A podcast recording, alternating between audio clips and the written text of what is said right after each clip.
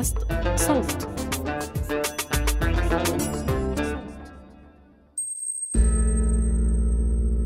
القوانين اللي بتحكم حياتنا مش أمر مسلم فيه. وعشان هيك مهم تضلها دائما عرضة للسؤال والنقد. أنا روان نخلة وعم تسمعوا بودكاست أحوال من إنتاج صوت ومؤسسة فريدريش إيبرت.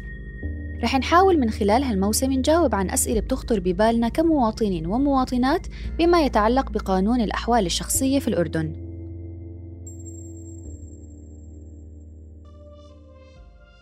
المحاكم في الأردن ثلاث أنواع محاكم نظامية، محاكم دينية، ومحاكم خاصة.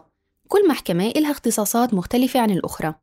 ولو بدنا نحكي عن المحاكم الدينية تحديداً فهي مقسمة لقسمين محاكم شرعية بتختص بالفصل في النزاعات القضائية اللي بتتعلق بمسائل الأحوال الشخصية للمسلمين ومحاكم كنسية أو مجالس الطوائف الدينية الأخرى بحسب الدستور واللي بتختص بالنظر في قضايا الأحوال الشخصية لأبناء طوائفها في المملكة. هالتقسيمات انوجدت لتنظم حياة المواطنات والمواطنين يلي ما بينتموا جميعهم لنفس الدين أو حتى الطائفة. وحتى نفهم بشو بتختلف قضايا الأحوال الشخصية بحسب مجالس الطوائف المسيحية وتحديدا بقضايا الزواج والطلاق رح يشاركني الحديث المحامي والمستشار القانوني خلدون السلايطة يلي بيتعلق جزء من عمله بالتقاضي أمام المحاكم الكنسية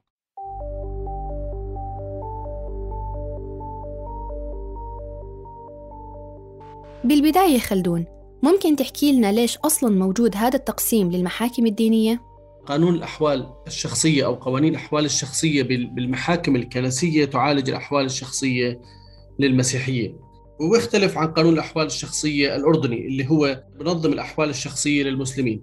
فعلى سبيل المثال أحكام الزواج والطلاق أو بطلان الزواج أو انحلاله وفق الأحوال الشخصية للطوائف المسيحية يختلف عنها للمسلمين.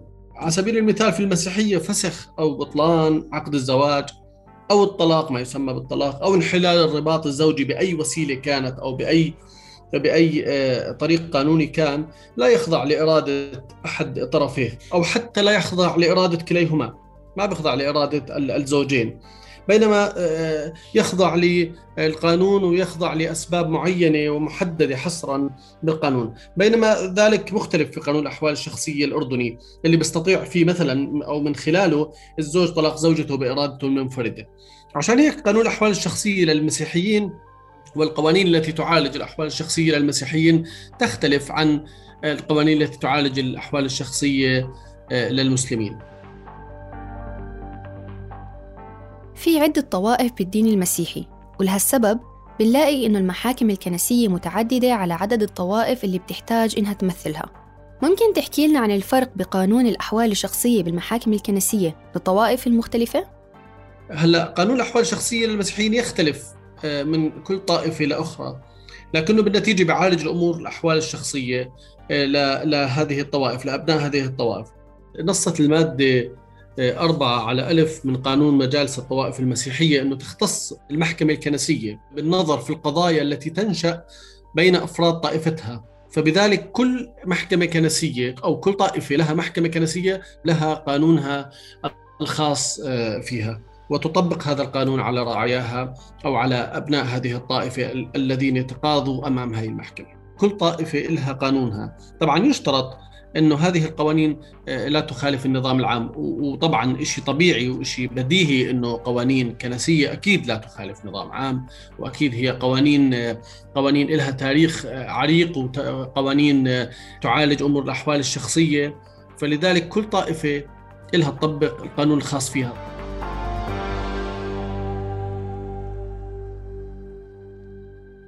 بحديثنا اليوم خلدون بدنا نحاول نتعرف عن قرب على المواد القانونية الناظمة لزواج شخصين بينتموا لطائفتين مختلفتين داخل الدين المسيحي بالبداية ممكن توضح لنا شو بيترتب عن هيك زواج؟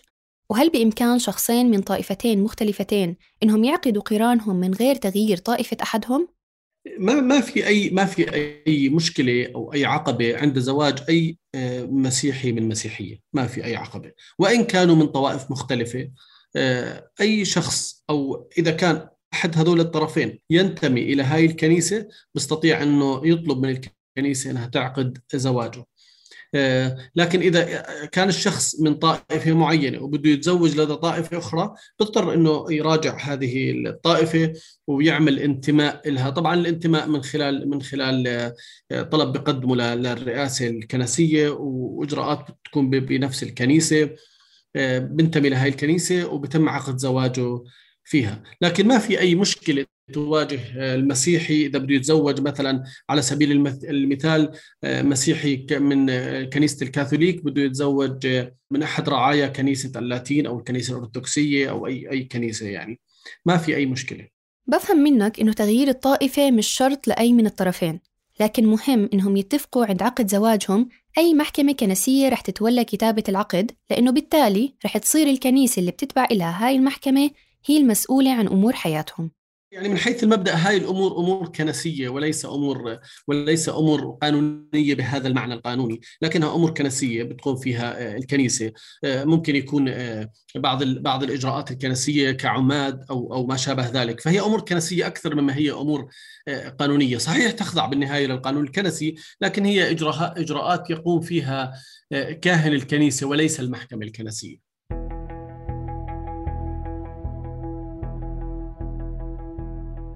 طيب عشان نبسط الصورة.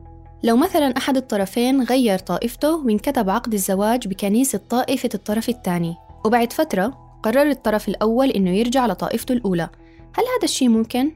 نعم ما في ما يمنع أي شخص يرجع للطائفة اللي كان ينتمي إليها وراح انتقل انتمى لطائفة ثانية مسيحية. ما في ما في شيء يمنع. لكن بدنا نكون بدنا نكون يعني ننتبه لنقطة معينة. إذا إذا اليوم إذا اليوم شخص خلينا نفرض آه، آه، سين كان ينتمي إلى الطائفة الكاثوليكية وانتمى بعدين انتمى إلى الطائفة الأرثوذكسية على سبيل المثال. وعقد زواجه أمام الطائفة الأرثوذكسية. هلأ الكنيسة اللي عقدت سر الزواج أو اللي عقدت الزواج هي المختصة بالنظر بكل ما ينشأ عن هذا الزواج. فلا يستطيع إنه يرجع يغير لطائفة أخرى يرجع مثلا كاثوليكي ويجي يطلب من المحكمة الكاثوليكية تنظر دعواه إلا طبعا بحالات معينة إلا إذا توافق الطرفين على اختصاص هذه المحكمة وإجراءات أخرى. لذلك المحكمة اللي أجرت هذا الزواج هي المختصة حتى تنظر بما ينشأ عن هذا الزواج أمام المحاكم الكنسية. فموضوع عدم وجود مانع إنه ينتقل أو ينتمي من طائفة لطائفه هذا لا يعني إنه كمان الأمور القانونية القانونية ينقلها معه جرت أمام كنيسة مثلا كاثوليكية أو كنيسة أرثوذكسية ينقلها معه للطائفة الثانية. مثلا الزوج كاثوليكي والزوجة أرثوذكسية. عقد الزواج أمام الكنيسة الكاثوليكية. بما إنه الكنيسة الكاثوليكية هي التي عقدت الزواج هي المختصة للنظر بأي نزاع أو أي أمر يثور حول هذا الزواج الذي عقدته الكنيسة الكاثوليكية. وهكذا الأمر لو عقدت الزواج الكنيسة الأرثوذكسية. بتكون الكنيسة الأرثوذكسية أو المحكمة عفوا الكنسية الأرثوذكسية هي المختصة للنظر في الزواج التي عقدته.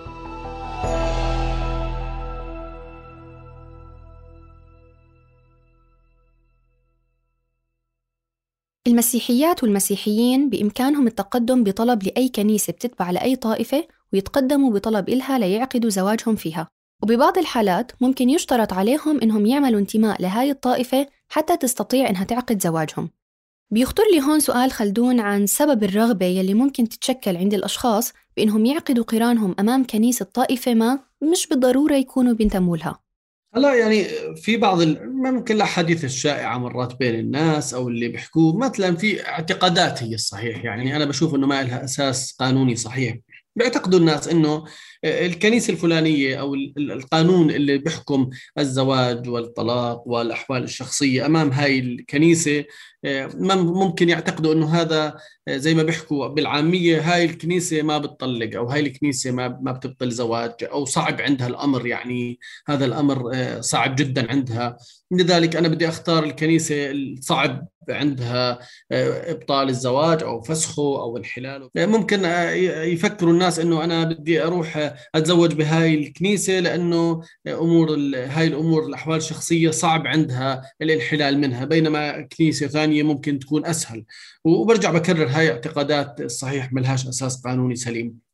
في بعض الكنائس ما عندها محكمة كنسية. لذلك آه، ممكن ناس بفكر إنه أنا إذا احتجت لأي إجراء بالمحكمة الكنسية أنا لمين بدي ألجأ؟ لذلك أنا بدي أروح مثلا أعقد زواجي بكنيسة آه، عندها محكمة كنسية. برضه بعض الناس بفكروا بهاي بهاي بهذا المنطلق يعني. لكن آه، بالنتيجة زي ما حكينا ما في ما في يعني آه، ميزات أكثر عند كنيسة دون الثانية لعقد الزواج أو آه، لعقد أي إجراء كنسي. بس إذا بدنا نحكي عن التعقيدات اللي ممكن تنشأ في حال قرر الطرفين يغيروا طائفتهم بغض النظر عن الأسباب بعد ما عقدوا زواجهم بالكنيسة اللي كانوا بينتموا إلها شو هي المشاكل اللي ممكن تواجههم بهيك حالات؟ القانون واضح أنه إنه المحكمة أو الكنيسة أو الطائفة التي عقدت الزواج هي المختصة للنظر في أي شيء آه، ينتج عن هذا الزواج. المشكلة اللي اللي يعني اللي ممكن تثور هنا إذا إذا لجأوا بأي من أمور الأحوال الشخصية أو إذا لجأوا بأي بأي ما يتعلق بهذا بعقد الزواج أو سر الزواج للكنيسة الأخرى اللي ما عقدت الزواج، المشكلة إنه أمام أمام الكنيسة التي عقدت الزواج هذا الزواج ما زال موجود يعني إذا تم فسخ الزواج أمام الكنيسة أو أمام المحكمة الأرثوذكسية وهذا الزواج كاثوليكي آه، لما يروحوا على على المحكمة الكاثوليكية أو على الكنيسة الكاثوليكية راح يجدوا أنه زواجهم ما زال موجود لأنه آه، لا يحق لأي طائفة أو لأي محكمة كنسية آه، تبطل الزواج الكاثوليكي إلا المحكمة الكاثوليكية إلا المحكمة الكنسية الكاثوليكية. لذلك راح يصطدموا بهذا الأمر. وهذا الأمر ممكن يشكل مشاكل لاحقا مش بس على عقد الزواج ممكن يشكل مشاكل بالإرث. إذا إذا هذول الشخصين راحوا فسخوا زواجهم أمام محكمة كنسية أخرى بغض النظر شو هي. طب آه، آه، بعد ما فسخوا زواجهم أمام الكنيسة الكاثوليكية اللي عقدت الزواج ما زالت هذه زوجة وما زال هذا الشخص زوج يتوارثوا إذا بدنا إذا بدنا نرجع للعقد الأصلي. ما زالوا يتوارثوا لأنه عقدهم آه، عقد الزواج اللي, تم أمام الكنيسة الكاثوليكية ما صار عليه أي ما صار عليه أي تغيير ما زالوا زوجين لكنهم بالطائفة الأخرى لا بطلوا زوجين ما عادوا زوجين فممكن تسبب تسبب إشكاليات قانونية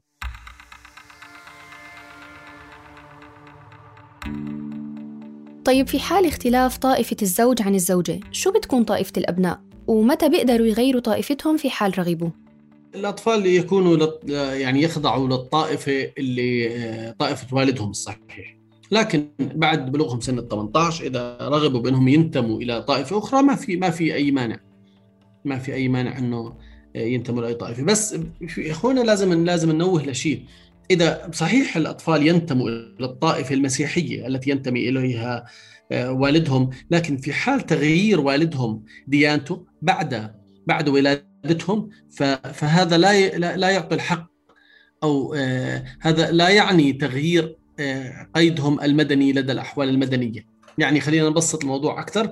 لو كان شخص مسيحي بغض النظر من أي طائفة مسيحية تزوج وولد له طفل آه، أيضا مسيحي لأنه والده مسيحي.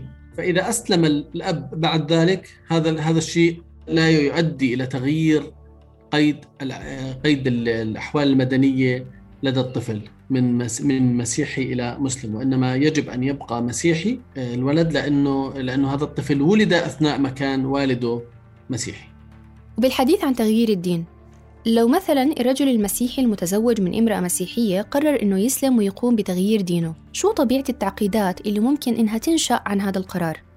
من حيث المبدأ بداية قانون الأحوال الشخصية ينطبق على المسلمين بينما القوانين الكنسية لكل طائفة تنطبق على المسيحيين. فلا يستطيع أو لا مجال لتطبيق قانون الأحوال الشخصية على المسيحيين لأنه مش مش هذا القانون الواجب التطبيق عليهم لكن في حال اختلاف الدين إذا إذا بعد الزواج صار في اختلاف دين وغالبا راح يكون من من قبل الزوج مثلا. إذا بعد الزواج زواج مسيحي ومسيحية بعد الزواج أشهر أو أعلن الزوج إسلامه انتقل إلى إلى الإسلام. فتصبح المحاكم الكنسية غير مختصة لنظر أي نزاع ناشئ عن عقد الزواج. والصحيح هذا أنا يعني أنا بشوفه يعني مأخذ على التشريع. مأخذ على آه، القانون آه، بالأردن أنه تصبح المحكمة الكنسية غير مختصة آه، للنظر في ما ينشأ عن عقد الزواج.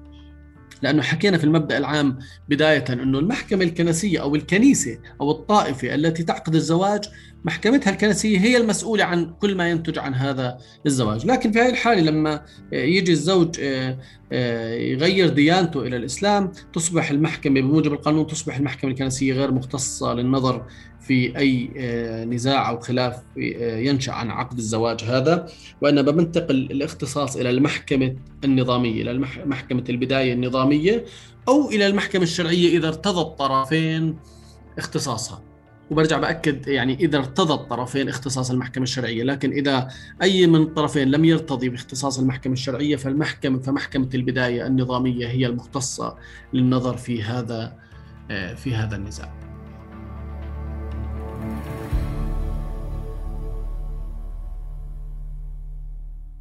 طيب لو المرأة المسيحية أعلنت إسلامها مثلا شو بصير بهاي الحالة للزواج القائم؟ هون الموضوع يختلف كليا لأنه إذا أسلمت الزوجة لا آه، يعني بالقانون الأحوال الشخصية الأردني للمسلمين لا يجيز للمرأة المسلمة أن تتزوج من غير مسلم يعني يجيز القانون للمسلم يتزوج من آه، مسيحية أو كتابية كما نص قانون الأحوال الشخصية بينما لا يجيز للمسلمة أن تتزوج بغير مسلم وهذا أيضا كمان يعني نقطة تستحق أن الواحد يتوقف عندها لما بسمح لل للمسلم يتزوج من من مسيحية أو كما كما هو وارد كتابية بينما لا أسمح للمسلمه أن تتزوج من من مسيحي أو من اي ديانه أخرى. برجوع للنقطة اللي ذكرناها قبل بفهم منك خلدون إنه المرأة المسيحية بحالة إعلان زوجها المسيحي إسلامه فبشكل من الأشكال بتتحمل عواقب إجبار القانون بإخلاء مسؤولية وحكم الكنيسة على عقد الزواج الخاص فيهم ويلي هي تعتبر أحد أطراف هذا العقد يعني بمعنى آخر بتصير مضطرة إنها تتقاضى أمام محكمة أخرى بدون رضاها أو مشورتها صحيح؟ نعم يعني آه، أنا اليوم لما بدي آجي بعيدا عن ال عن ال الأحوال الشخصية أنا اليوم لما بدي آجي أعقد عقد بدي أعقد عقد آه، شو ما كان. أنا بعقد هذا العقد في ظل قانون معين بعرف إنه هذا القانون اللي بيحكم هذا العقد اللي أنا عم بعمله اليوم. وأنا بلجأ لإني أعقد هذا العقد لإني مطلع وعارف إيش القانون اللي بيحكمني. فليس من العدالة إنه بعد ما أعقد هذا العقد تيجي تخليني أحتكم لقانون مختلف أنا ما كنت بصورته. وهذا ما يحصل مع مع الزوجة المسيحية.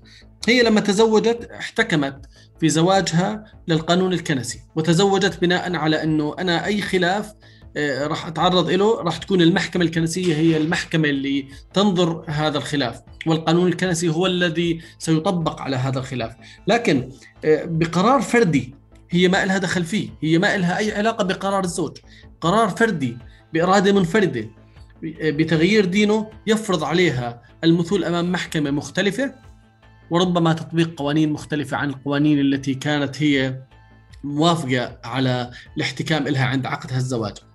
وراح تضطر تقف أمام محكمة ليس هي المحكمة التي اختارت إنها تفصل بنزاع بأي نزاع تتعرض له عند عقدها الزواج، وإن كانت المحكمة نظامية، لكنها مش المحكمة التي هي لما تزوجت ارتضت إنها تحتكم أمامها أو تلجأ إليها أو تتقاضى أمامها في حال وجود آه، أي خلاف أو أي ما يتعلق بعقد الزواج اللي عقدته، لذلك أنا الصراحة يعني بكرر إنه أنا بشوفه مأخذ على القانون انتقص من من حقوق آه، آه، الزوجة المسيحية في هذه الحالة. وانتقص أيضا من من ولاية المحكمة أو المحاكم الكنسية على عقود الزواج الجارية أمامها شكرا خلدون على حضورك ومشاركتك معنا في الحلقة.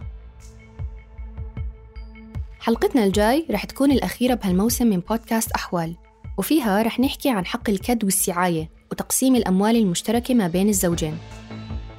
تابعونا عبر جميع منصات البودكاست لتسمعوا الحلقات أول بأول.